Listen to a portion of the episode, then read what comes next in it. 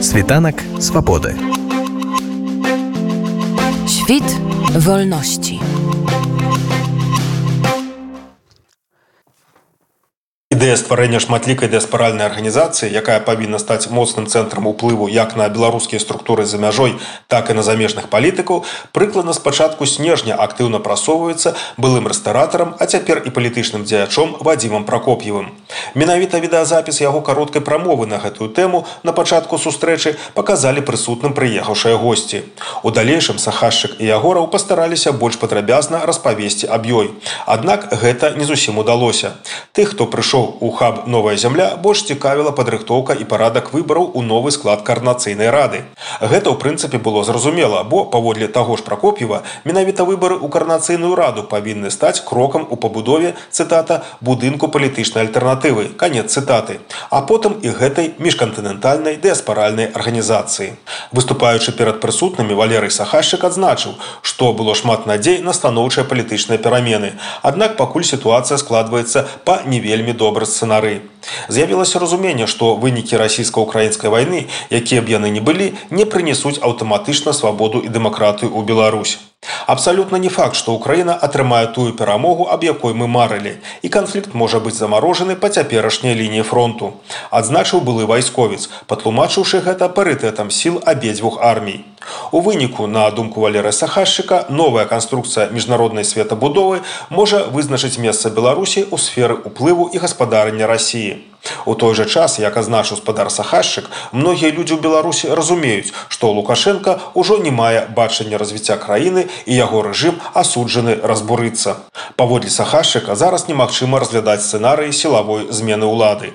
У Беларусі ж многія хочуць пераўтварэнняў мірным шляхам. З краіны выехала за апошнія гады нават па даных лукашэнкаўскага міністэрства ўнутраных спраў 350 тысяч чалавек. Хаця насамрэч такіх, канешне, значне больш, адзначыў спадар валерый. Мы маглі б неяк уплываць на ход падзей, калі б змаглі аб'яднаць свой патэнцыял, адзначыў госць, заклікаўшы вылучаць са сваіх шэрагаў сумленных людзей, якія будуць адлюстроўваць жаданні і памкненне беларусаў у протапарламенце. Што гэта мусіць быць за аб'яднанне? Сапраўды агульная арганізацыя ці проста рух у падтрымку Вадзіма Пракоп'ева на выбарах у карнацыйную раду. З гэтым пытаннем я звярнуўся да валерая сахашчыка. Я взяў бы за ўзор салідарнасць польскую, напрыклад. Гэта такое грамадскае аб'яднанне. Ну, гэта створана выключна пад гэтыя выбары ў карнацыйную раду. Выбары гэта папросту першы крок, які дасць нам легітымны заканадаўчы орган і дазволіць вырашаць нейкі спектр пытань але большасць пытань будзе вырашаць гэты рух ну нейкі менеджмент які будзе абраны гэтым рухам.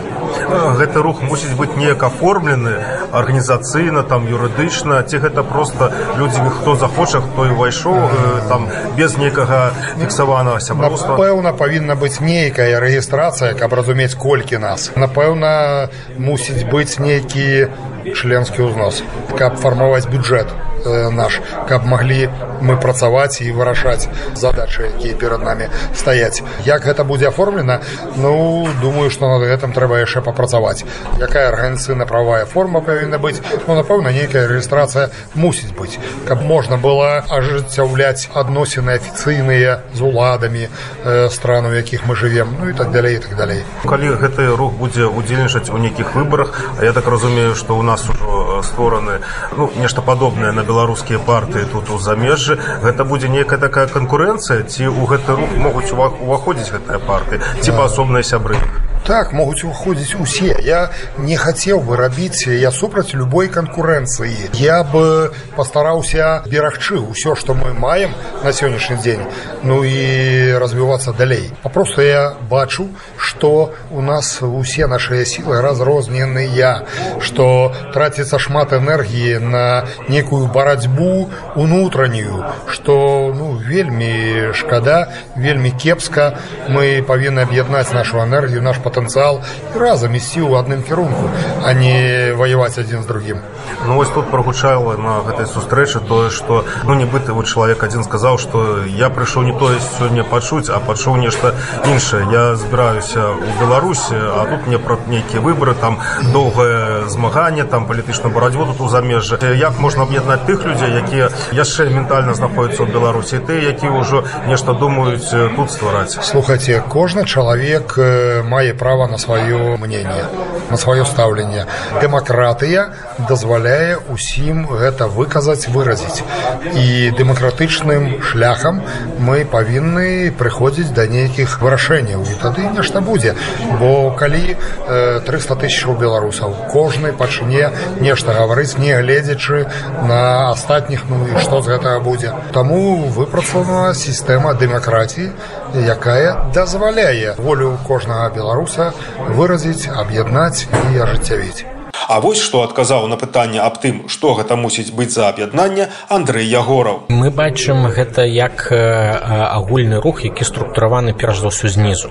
Ну і натуральна, што как бы людзі яны арганізаваныя і могуць быць арганізаваны па месцу, дзе яны жывуць. Яны бачаць адзін аднаго, яны камунікуюць, яны могуць весці нейкую працу. Таму вось гэтая арганізацыя мусіць ісці знізу ад іх і таму, канешне, как бы, трэба рухацца ад такіх структурных адзінак і самаарганізацыі людзей на месцах дзе яны далучаюцца як бы да, да гэтых дзеяннях і потым уже как бы структуруюць гэта як такі рух з нейкім агульным кіраўніцтвам как бы магчыма нейкім агульным фондам які гэты рух збірае потым калектыўна людзі вырашаюць як бы як ходуюцца гэтыя грошы. Ці мусіць гэтая арганізацыя ўжо на месцах быць юрыдычна зарэгістраваны згодна з заканадаўствам той ці іншай краіны? Гэта мэта згодна як бы мець легальныя зарэгістраваныя адзінкі але пакуль што мы вот не не казалі пра там юрыдычную форму існавання гэтага руху. Ну але там ёсць прыклады таго як такія рухі могуць быць арганізаваныя ў Еўропе ну там ёсць такі як бы рухі якія знаходзяцца на мяжы скажем палітычных рухаў і, грамадскіх арганізацыяў палітычных партыяў там грамадскіх арганізацыяў. Напрыклад там рухі за там за еўрапеізацыю і еўрапейскую федералізацыю тут у Еўропе. Ну вось нешта падобнае магло б быць выкарыстана ў якасці формы для існавання беларускага руху Асноўная дыскусія на сустрэчы тычылася новай выбарчай сістэмы і магчымага новага складу каардынацыйнай рады. Выбары куды павінны прайсці да сакавіка наступнага году.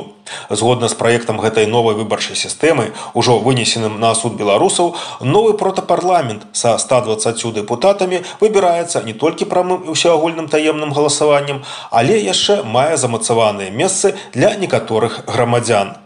Так, для прадстаўнікоў грамадзянскай супольнасці прадугледжана квота ў 15 процентаў месцаў, а для жанчын 40 процентаў. Такая загадзя закладзеная няроўнасць і прывілеяванасць выклікала незадавальненне ў многіх прысутных на сустрэчы, і яны гэтае незадавальненне адкрыта выражалі.